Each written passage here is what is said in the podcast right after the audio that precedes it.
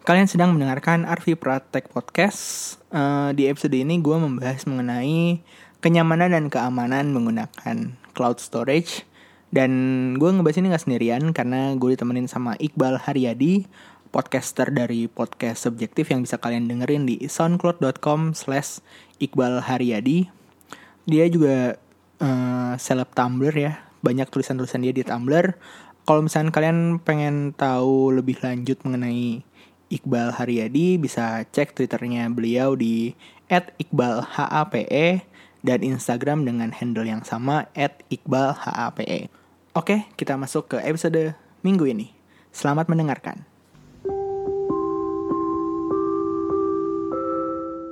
Ya udah. Asik.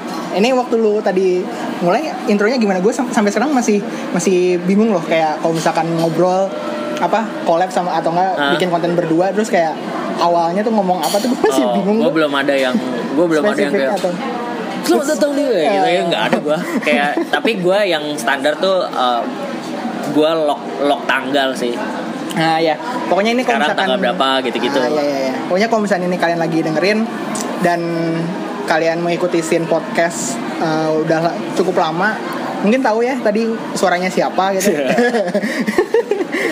ini eh, Arfi Pra eh, Arfi Prateh podcast X Iqbal Haryadi ya, Asik, Iya. Iqbal HP gitu.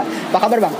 sehat sehat Asik. Baik, Ini eh, sungguh suatu kesempatan yang kayak gimana ya bahasa basinya ya? Pokoknya su- sungguh suatu kesempatan yang eh, jarang banget. Maksudnya bisa bertemu engkong eh pamannya podcast nih kalau misalnya kata kata podcast pojokan pamannya podcast eh, jadi sebenarnya gue pengen ketemu gara-gara pengen nanyain ini sih bang hmm. laptop lu sekarang apa kabar gitu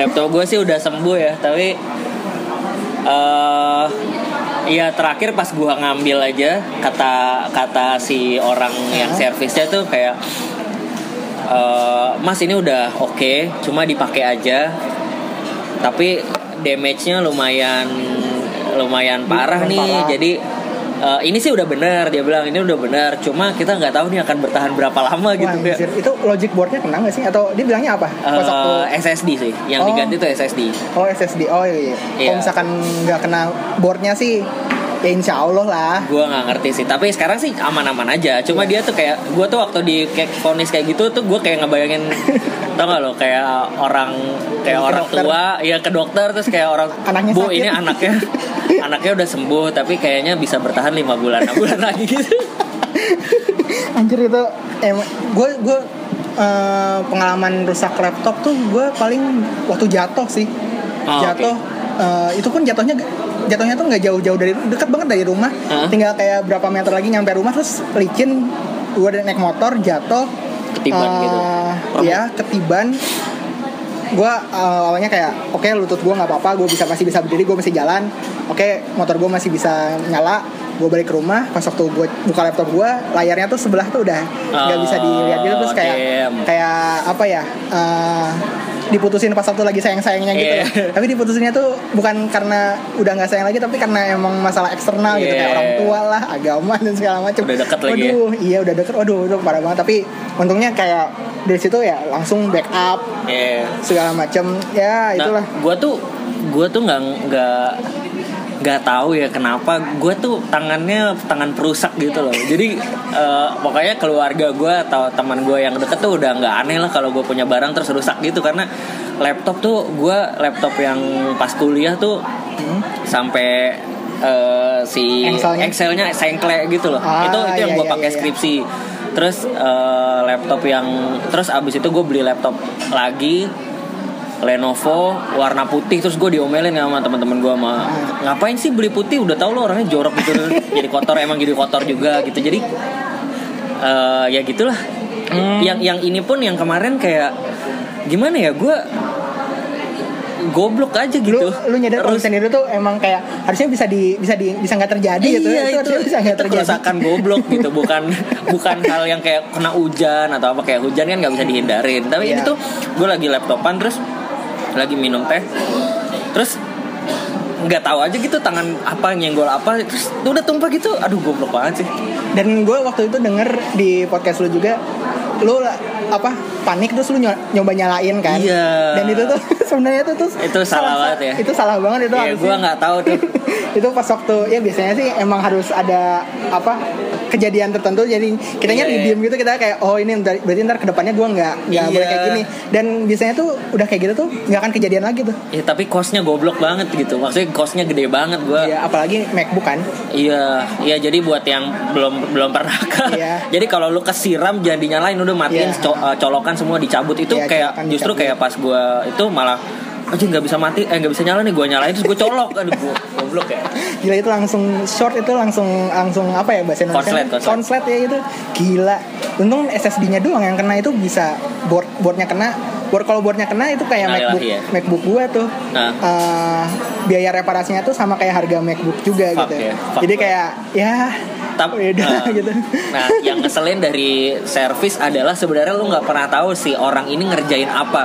Jadi kayak lu nggak pernah tahu harganya tuh emang beneran segitu apa enggak Oh, ngerti iya, sih? iya, iya, iya. Kayak, karena lu nggak tahu apa-apa terus orang ini tahu seakan-akan tahu semuanya tapi gua nggak tahu juga lu lu nggak percaya nggak percaya Iya, kan percaya sama sama si orang itu kan? nggak punya pilihan gitu loh. Oh, cuma ya iya, dia iya. bilang mas ini sekian juta ya ah serius loh sekian juta gitu. Kayak tapi gue nggak punya argumen bilang bahwa ya nggak mungkin dong sekian juta ya gue juga nggak tahu gitu. Ini eh, dialamin sama teman gue nih teman teman gue dia dia juga sama apa kesalahannya bisa kesalahan-kesalahan goblok. Eh, pokoknya dia lagi bangun tidur gitu terus dia nginjek laptopnya layarnya rusak. Iya, iya. terus dia apa ya kalau misalkan mungkin kok sebelum-sebelumnya udah kenal gue mungkin lu langsung nge-line atau WhatsApp gue Iya, iya, mungkin kayak "Ih, ini jago ini gitu ya." Iya, gitu. Nger apa tahu lah Ya. gitu. nggak nggak jago jago sih nggak jago jago banget. Cuman tahu lah ini gimana? Biasanya gue langsung bilang "Eh, coba foto gitu kan. Dikasih fotonya. Terus tipe laptop lu apa? Terus gue cari di Amazon di apa. Oh screen replacementnya harganya sekian. Ya ini nih pokoknya harganya ya paling beda 10% beda 20% lah sama harga si apa perangkatnya gitu Ya, harga ya. si spare partnya gitu. Kalau misalkan di apa diminta jauh itu jangan jangan mau itu Di- itu mah dia apa ambil untung. ngambil untung aja gitu. Maksudnya eh, lu nya kayak ketipu banget gitu. Dan dan alhamdulillah dia eh, si lapnya sekarang udah eh, kayak normal lagi. Harganya juga nggak jauh-jauh amat dari apa yang gua iniin gitu. Kayak gitu. Itu parah banget sih Oh, by the way device boleh tahu nggak device lu sehari-hari buat kerja buat apa Hmm. yang dipakai apa aja dari HP dari Iya. laptop atau apa Device-nya dua doang sih, laptop sama HP. Kalau laptop MacBook Pro, sekarang eh, kalau HP Oppo Oppo 5 apa ya? Nah, five satu S satu F 3 I- iya itulah. Pokoknya bla bla bla 5. Apa sih gue juga udah lupa belinya F- kapan. F5, eh, bukan F5 iya. sih. V5 ya? oh V5 eh, ya itu Vivo kali. Eh, F5. F F5 ya benar. oh F, F5 itu eh, Ya pokoknya yang Raisa lah waktu itu. boleh tahu nggak alasan kenapa tiba-tiba milih si Oppo ini Eh, kalau gue waktu itu alasannya karena storage-nya gede. kalau misalkan disaranin sama toko bilang aja nggak apa-apa kok Enggak sih. oh nggak, emang Eh, lu udah ngincer Iya, udah ngincer karena gue nyari yang storage storage-nya udah aman. Jadi kayak eh, soalnya HP gue sebelumnya tuh storage-nya pas-pasan gitu. Iya. Jadi kayak mau install apa terhambat gitu. ada tahun-tahun di mana Android storage-nya minim-minim banget semuanya jadi Iya, iya. pas waktu pokoknya di setelah 2014 ke atas tuh storage-nya gede-gede Heeh. nah HP yang dari 2014 ke bawah tuh biasanya tuh kena masalah itu tuh kayak aduh ini pengen install penuh gitu kan nggak Penuh, bisa gitu macam Nah, gue milihnya karena itu sih storage-nya Oh, gede. gede. Gue lupa 32 apa 64 gitu. tapi eh, dengan adanya cloud storage kan sebenarnya nggak butuh-butuh banget storage yang gede kan kan butuh buat install apps dan lain-lain. Jadi iya, intinya iya, sih iya. gue kebutuhannya kan gue udah merasa kebutuhannya kan akan terus meningkat gitu kebutuhan storage-nya. Jadi either buat memori atau buat apps, install apps dan lain-lain. Jadi Itu pokoknya harus lega lah. aja. ha. Ah, iya, Jadi iya. storage-nya harus lega. Terus eh, sama satu lagi ini sih eh, apa ya? Kamera sih, kamera, kamera. terutama kamera depan. depan. Tapi ah iya iya. Lebih pilihan tepat sih. Uh, uh, lebih karena gue belum mampu beli kamera jadi kayak kalau gue mau uh, dokumentasi atau apa pun ya gue punya gue punya minimal di HP bagus lah gitu. Iya iya, iya. nggak jelek lah gitu. Nggak perfect tapi nggak jelek. Itu dulu tuh ada startup gitu brand dia bikin HP Mhm. sekarang kalau nggak salah udah dibeli sama Razer Razer mobile gaming itu eh gaming gaming peripheral oke. Razer mouse gitu. Dia dulu tuh namanya eh, aduh anjir gue lupa pokoknya eh, si HP-nya itu tuh dia mengung apa keunggulan utamanya tuh cloud storage-nya. Oke. Jadi aplikasi yang udah lama nggak dipakai itu akan di ke uninstall dan disimpan di cloud. I see. Pas waktu lu mau pakai aplikasi itu lagi, dia langsung otomatis download, terus keinstall lagi aja. kayak gitu. Jadi kayak Oh, oke. di situ tuh dia menawarkan kayak ya lu nggak usah apa khawatir sama storage yang terbatas karena kita menawarkan cloud storage yang selalu on always on always synchronize Iya, iya, termasuk iya, di aplikasi dan semua file dan itu tuh gila banget sih waktu Oh, oke. gua gua ngelihatnya gitu ya Menarik sih konsepnya. kayak gitu dan apa namanya eh, mungkin itu kalau misalkan di di negara yang emang kecepatannya udah bergiga-gigabit mungkin itu sangat sense. make Nah. sense banget kan apalagi eh, apa namanya buat tiba download aplikasi Ya, install aplikasi dan segala macam gitu kan. Cuman eh, Indonesia sendiri menurut gue udah mulai harus sadar akan cloud storage sih menurut gue sih. Eh, yang lu rah- apa rusak lah tiba-tiba data nggak bisa- Iya, nggak nggak ada gitu kan nggak ada backupannya. Ah, sedih banget gitu kan. Eh, dari apa yang lu alami waktu itu sekarang tiba-tiba kan gue bilang lu bilang ah ya Google Drive gue eh, walaupun udah langganan yang 100 GB nggak kepake dan akhirnya sekarang Jadi lu utilize gitu kan Nah. dan lainnya mungkin bisa diceritain nggak Ah, apa gimana lu memaksimalkan cloud storage Hmm. untuk saat ini Ya, kalau cloud, kalau cloud, ya akhirnya karena kejadian kemarin, gue tadinya berpikir cloud itu kayak sunnah muakadah lah ya. Ah. Jadi kayak kok kayak sangat dianjurkan untuk dilakukan, tapi nggak harus gitu. Iya. Sekarang gue jadi kayak wajib gitu, udah parah sih. Kemarin ya yang laptop itu SSD-nya rusak kan, jadi kayak eh, ya udah datanya hilang semua. Si SSD-nya udah meninggal, datanya hilang. nggak- Aduh, aduh, gue nggak tahu lagi sih itu datanya apa aja di situ. Tapi sampai saat ini gue masih ikhlas lah. Tapi intinya kayak eh, ya jadi jadi penting gitu Google Drive semua harus synchronize, semua yang ada di laptop harus synchronize. Jadi once ada rusak atau apa, gue datanya ada backup. Itu satu buat storage. Kedua, eh, kalau buat gue kerja sehari-hari eh, sangat cloud eh, Base banget. base banget sih.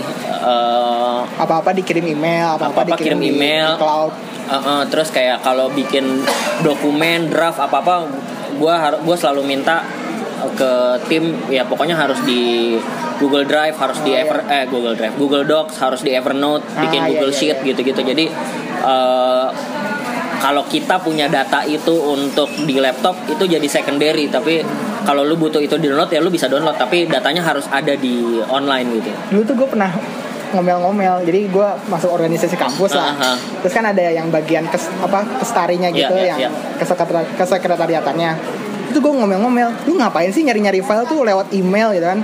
Buka Gmail scroll se- atau nggak ya mending lah apa search gitu kan. ini scroll dia dia nge-scroll mana ya filenya ya mana ya filenya. Karena search pun dia lupa nama filenya apa. Ya ya dari situ tuh gue kayak eh lu tau gak sih kalau misalnya di kampus kita tuh ada ngasih cloud storage gratisan gitu. Kayak itu tuh size nya juga bisa dibilang unlimited gitu. Lu bisa Gmail pakai-?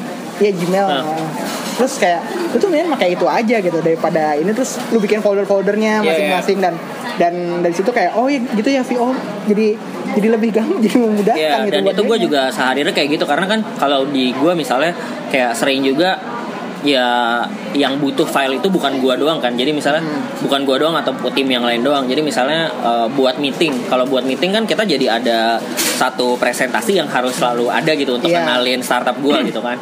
Dan materinya sama gitu dan itu kejadian kayak di awal-awal kayak eh yang presentasi yang kemarin lu mana? Kirim dong kirim dong kirim dong gitu jadi pokoknya habis itu ya udah daripada kita ngirim-ngirim terus ketika butuh eh, ya udah ada aja di kita bikin folder khusus itu isinya semua presentasi di sana jadi once lo butuh lo tinggal akses ke situ Iya. gitu Dan ini bukan bukan masalahnya apa?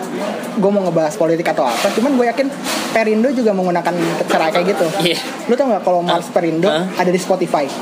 Mars Perindo ada di Spotify Ada di Spotify. aneh banget Coba lu cek. Coba, coba gua cari. lu cek, coba lu cek. judulnya apa Mars Mars Perindo gitu? Perindo, Mars Perindo. Mars Perindo nah ini susahnya di Indonesia tuh Sinyal ya, pokoknya ada aja. Ah. Ada. gue juga dikasih tahu temen gue kayak, "Ci, lu tahu nggak kalau misalnya Mars Perindo ada di Spotify terus gue, hah? Yang bener dan ngapain terus mereka lewat label mana gitu Iya, masuknya kan? akhirnya lewat Terus label mana? gue gue akhirnya gue mikir-mikir itu kan eh, ya mencoba meng- eh, meng- apa nyari mendeduk deduk deduktif kan mencari ca- mencari apa cari tahu alasannya apa ya menurut gue sih kayaknya orang-orang sana juga kayaknya nggak ada yang mau nyimpan lagu itu di HP HP mereka sih maksudnya mereka takut kalau lagi dengerin lagu eh malah ke shuffle Mas Verindo gitu kan Oh. jadi kayak tapi de, tapi kalau misalkan Oh iya bener ada dong. kalau misalnya rakernas gitu kan atau rapat-rapat apa pun mungkin harus Mainnya dinyalain lebih, dulu nih ya. nah kalau misalnya disimpan di Spotify lu nggak usah nyimpan di flash disk apa lu cukup buka Spotify terus nyalain lagu Mars Perindo udah bos-bos itu senang tuh Anjing ke play lagi. Iya iya ada nih Mers Perindro. Gitu, itu. Terus ada yang versi orkestra juga. ini gila- dasar kan gila itu kayaknya Perindo Perindo mah kayak kayak gitu tuh Gila ya. da- apa namanya daripada gua si lagunya gue taruh di flash disk doang ntar hilang nggak kebawa lah kalau misalnya ditaruh di HP ih mana mau gua nge-shuffle ke shuffle lagu kayak gitu kan gitu Iya. kan Atau ditanya sama bos, coba dimainin. Waduh nggak ada di HP Waduh, saya nggak di pak. HP, ya kan? Terus kayaknya orang-orang IT-nya kayaknya mungkin oh ini ntar udah taruh di Spotify aja lah, bayar bayar aja sekalian dah.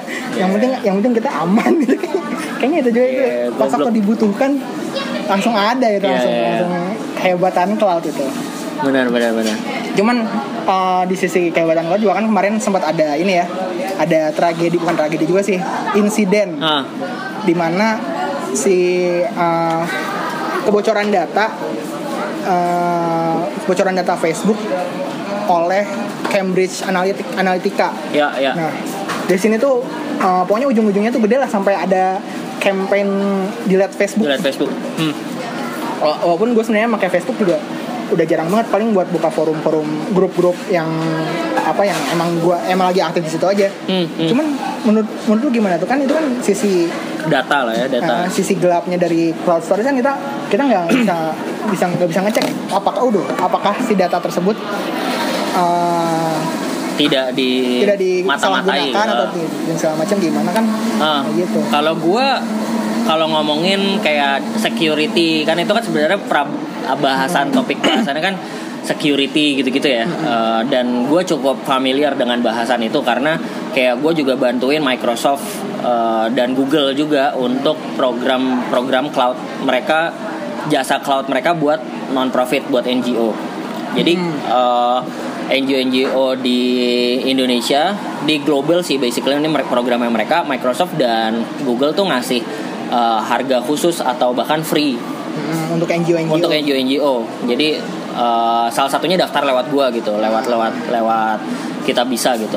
Nah, dan sering banget jadi bahasan kayak eh, NGO-NGO ini kan mereka punya data-data yang mungkin menurut mereka sensitif gitu kan Iya. tentang isu-isu yang mereka perjuangkan. Nah, mereka tuh suka nanyain masalah security ini kalau gua naruh di Google emang aman ya? Emang nggak akan disurvey eh, di di atau di- kalau bahasa Indonesia di hack lah di atau hack apa. ah, di hack dimata-matai sama Iya. Google atau diguna disalahgunakan dan lain-lain atau sama Microsoft sama kor- corporate gede lah ya Eh, ya itu selalu sering banget ditanyakan cuma kalau gue personally gue selalu balik ke eh, harga ya semua hal ada harganya aja gitu. Nah, lu mau bayar harga yang mana gitu. Jadi kalau lu kalau lu mau kalau lu mau super independen, ya lu bikin bikin server server sendiri bikin gitu kan. server sendiri, ya berarti lu harus punya gudang, terus ada Iya. komputer apa, mungkin setupnya lebih, lebih gede. Dan Plus itu pun sebenarnya nggak nggak nggak menjamin aman juga. iya karena- nggak menjamin aman juga karena kalau tiba-tiba ada peretasan itu mungkin mungkin aja. ya gitu. atau gue lagi kerja terus teh gua teh. tumpah ya udah Satu gudang. mati udah Eh, itu itu satu satu hal lah itu satu hal kedua kayak kalau lu punya server sendiri yang balik lagi ke kalau nge-share orang mesti ngirim lagi manual lagi mesti iya, download lagi gitu-gitu Eh, dan banyak banyak banyak constraint-nya lah sementara kalau lo mau pakai yang jasa yang gede yang kayak Google Microsoft dan lain-lain ya itu kan lebih dari dari segi keamanan terjamin. Karena server mereka super gede di Nevada atau di mana terus kayak tahan api gempa bumi apa gitu-gitu nggak akan hancur. Terus dari sisi kemudahan juga ya tinggal share apa semua udah dipikirin lah sama mereka gitu. Iya. dari sisi security ya nggak tahu ya. Gua sih gua sih ya personally kayak ya emang data lu apa sih gitu Oh. Eh, plus Iya, iya, iya. plus eh, ya secara hukum sih kan kita udah sama-sama agree gitu loh Ya, walaupun jarang dibaca juga ya. walaupun jarang dibaca juga eh, Si terms license- and condition eh, terms and nah, condition, license agreement dan segala macamnya. ya license gitu kan. agreement itu jarang dibaca next, tapi next, next. tapi ya kalau gua sih kayak ya udahlah kita percaya aja nah kalau konteksnya ke Facebook em, itu tuh cukup maksudnya Ya, itu cukup yang fatal, Facebook cukup fatal karena itu lu yang kesebar tuh kayak arah apa ya yang contoh-contoh yang ke- apa yang luar biasanya tuh kayak eh, mata apa arah perpolitikan Iya, iya, iya. terus kayak Interest, gitu-gitu. interest dan segala macam dan itu kayak apa ya maksudnya bisa di memang sangat bisa disalahgunakan Ya ya, ya. setuju sih kalau kalau kalau konteksnya kasus si Cambridge Analytica emang gue nggak belum baca detail kayak tapi kayak kemarin gue sempat skimming skimming gitu dan gue sempat lihat juga thread-thread di Twitter Iya. orang-orang pada ngasih lihat nih data yang bisa diambil dari Facebook lu tuh sampai ke uh, call record gitu Iya, call record kita di WhatsApp bahkan karena WhatsApp punya Facebook punya kan Facebook.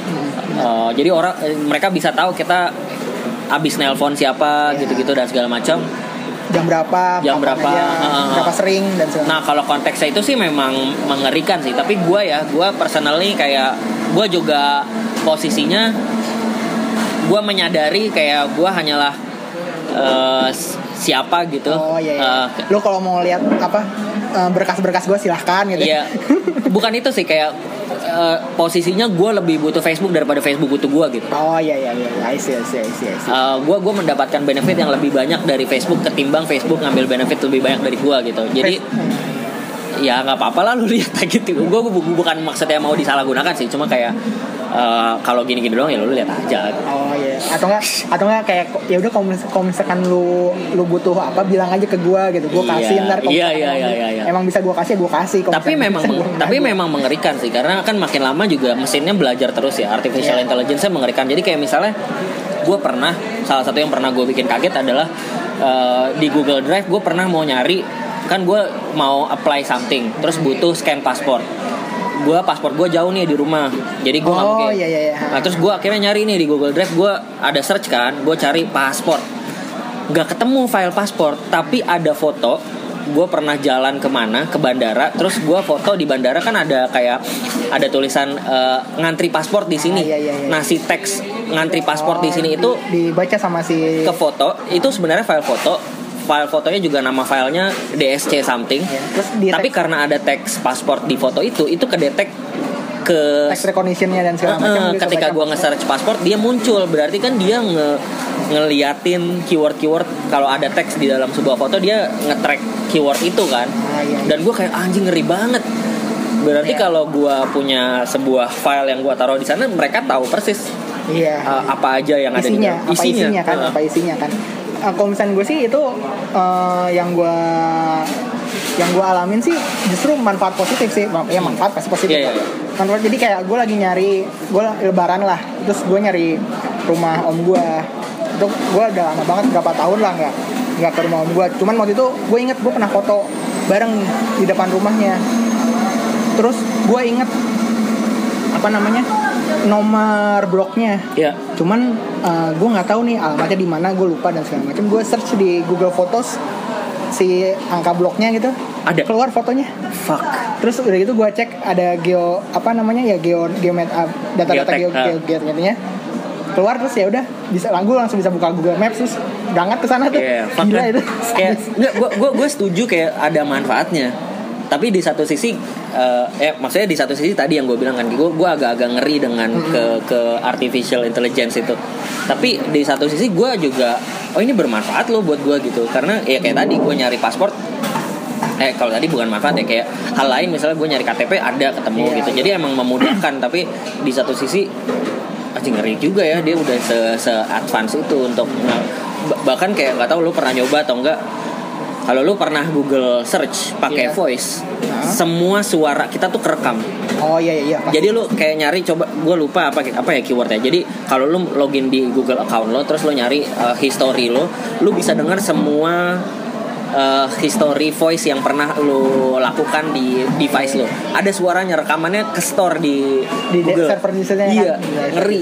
Yang itu tuh sempat jadi apa protes gitu jadi kan lu tahu Google Pixel 2 nggak Mhm. HP dari Google Ya.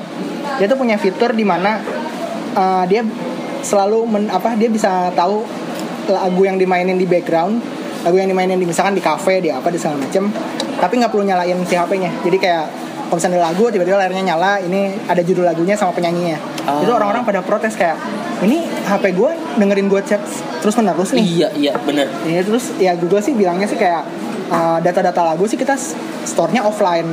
Jadi kalau misalkan lu pakai airplane mode pun tetap akan akan kedetek lagunya. Orang-orang nyobain pakai airplane mode terus ternyata kedetek juga cuman kan ih, serem juga ya Iya, maksudnya kayak- Berarti dia kayak aktif actively capturing Iya, uh, suara, surrounding, surrounding kan? dan Uh, segala macam kan gila itu. ngeri sih. Cukup oh, dan fiturnya pun maksudnya cuman tahu judul lagu pun ya elah itu mah gue buka Shazam juga. Dan kayak Oh, uh, uh, dan dan uh, dan kayaknya sering kejadian juga walaupun gua nggak pernah validasi jadi ini ini asumsi banget tapi sering kejadian juga kan lo abis ngobrol sama teman lo tentang nah, apa pun. tentang apa pun let's say lo abis ngomongin tentang baju Uniqlo Nah. lo nggak ngetik Uniqlo Tapi di suggestion ada keluar. Eh, nah, eh, itu atau ya. atau lu cuma ngechat doang Uniqlo gitu. Eh, apa di chat di WhatsApp gitu atau di mana. Lo abis ah gue abis belajar deh di Uniqlo terus pas lu buka apa ketemu Google AdSense keluarnya Uniqlo. Kan itu anjing ngeri banget. itu gue gua beberapa kali kejadian kayak gitu walaupun gue antara sadar dan tidak sadar nih maksudnya asumsi gue doang atau kayak emang beneran kayak gitu. Sebenarnya yang kalau misalnya via cookies sih gue menurut gue nggak masalah kalau yang advertising via cookies yang Iya, dia iya. ngelihat ngelihat Retargeting, history ah. browser dan segala macam sih gue sih nggak itu karena karena cookies kan kesimpan di lokal kan Iya, nggak nggak itu. Tapi kalau misalkan yang kayak tadi sih itu cukup serem. Bukan cukup serem gue banget. sih. sempat lihat sih beberapa orang di Twitter nge nge-capture hal tersebut gitu. Jadi kayak gue habis ngobrol sama teman gue ngobrol doang. Nggak nggak ngechat nggak apa. Jadi kita nggak menggunakan device tapi gue buka device lah. Tiba-tiba gue dapat iklan itu gitu. Dan kalau misalnya kalian pakai iOS atau produk-produk Apple jangan ngerasa kalian apa aman juga. Karena uh, storage iCloud itu tuh nebeng di Google Drive juga. Dia tuh pakai servernya Google. Oh gitu. Makanya iCloud di ban juga di Cina. Walaupun i- iPhone itu bebas dijual di sana. Tapi penggunaan iCloud nggak boleh. Karena Hmm. Servernya masih menggunakan ini juga. I see. Nah se- se- apa? sebenarnya kayak kalau lo ngomongin Cina band dan lain-lain kayak emang sulitnya adalah eh, gimana ya konsep itu kontradiktif soalnya. Kayak cloud kan sebenarnya konsep di mana itu akan sangat mempermudah kalau semua orang pakai cloud.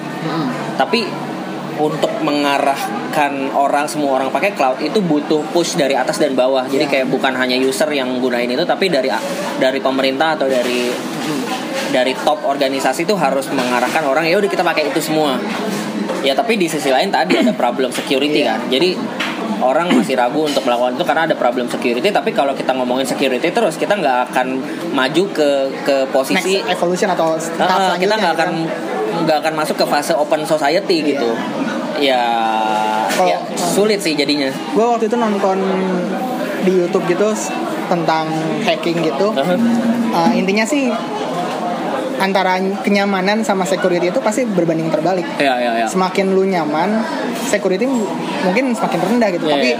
kalau lu butuh security yang tinggi ya lu harus mengorbankan kenyamanan kenyamanan betul tadi betul. gitu kayak gitu kalau joke-nya anak-anak eh, UI UX designer Mm-hmm. kayak security itu berbanding terbalik sama desain. Jadi kalau lu mau desainnya aman ya apps-nya pasti jelek gitu ya. Iya, lu lihat aja apps-apps bank gitu kan jelek-jelek semua. Iya. Eh, tapi jenius bagus. Eh. Iya, iya.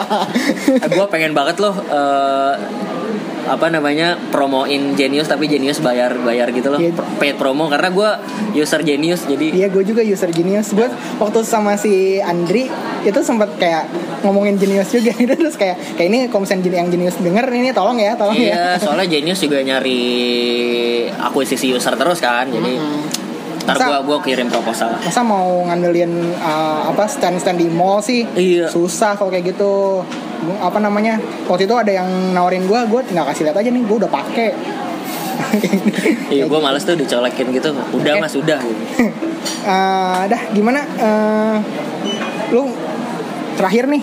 Oh udah terakhir. Oke Terakhir Udah mau ya setengah jam juga. Oke oke terakhir eh, lu ada ini nggak? Kayak pertanyaan terbesar atau dari yang lu sebenarnya pengen pengen pengen apa bingung banget ini eh, apa namanya pertanyaan pertanyaan yang nggak bisa lu jawab tentang gadget dan teh mungkin ada ada nggak kayak apa pun kayak misalnya contoh pertanyaan yang umum tuh kayak tapi ngecas HP tuh di awal tuh harus 8 jam nggak sih gitu atau enggak Oh. ngecas HP tuh harus sampai full atau boleh nggak sih overcharge atau segala macam Oh, oke.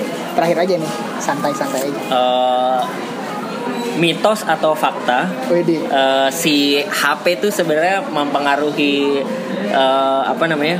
mempengaruhi kesehatan atau enggak? Oh, kan? radiasi- radiasi radiasi itu. radiasi gitu tuh mitos apa fakta? radiasi radiasi itu radiasi ada fakta Oke, radiasi tapi fakta.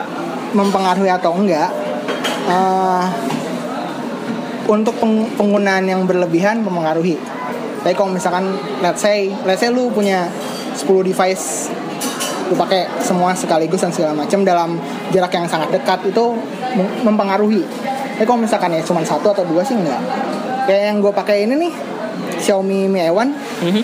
ini dapat peringkat radiasi terbesar loh saat ini di 2017 itu dia HP dengan radiasi terbesar ya Anjay. tapi kayak, kayaknya sih gue nggak nggak kenapa kenapa Atau belum kenapa-napa? belum kenapa ya nggak tahu ya, kita lihat ya intinya soalnya kayaknya dia mungkin kalaupun iya berpengaruhnya mungkin eh, apa Nanti, in years gitu iya, kayak berapa- evolusi manusia gitu. berapa rat- ratus tahun lagi atau puluh tahun mungkin ya itulah. Kayaknya sih cuman fakta radiasi ada.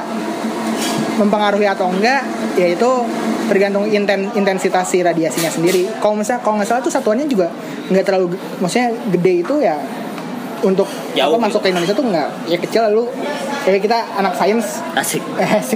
pokoknya tidak terlalu mempengaruhi lah tidak tidak Iya, terlalu iya, iya. kayak gitu sip thank you banget bang Iqbal Siap siap thank you. senior Anjir.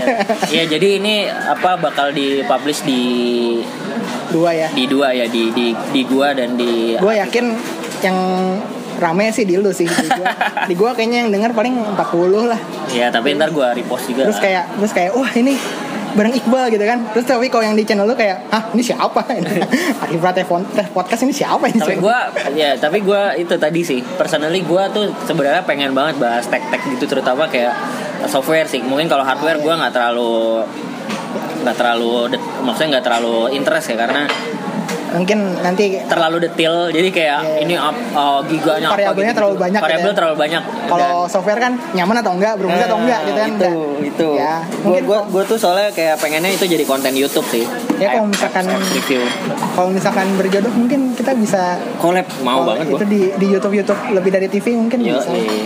Gue sih gue sih sangat sangat membuka aja kalau misalnya ada yang pengen bikin konten. Cuman kalau sendiri sih gue sih angkat tangan sih angkat tangan. Ya ya ya ya, ya. gue nggak kayak kayak si Neistat yang sendiri semua. Sendiri semua gitu.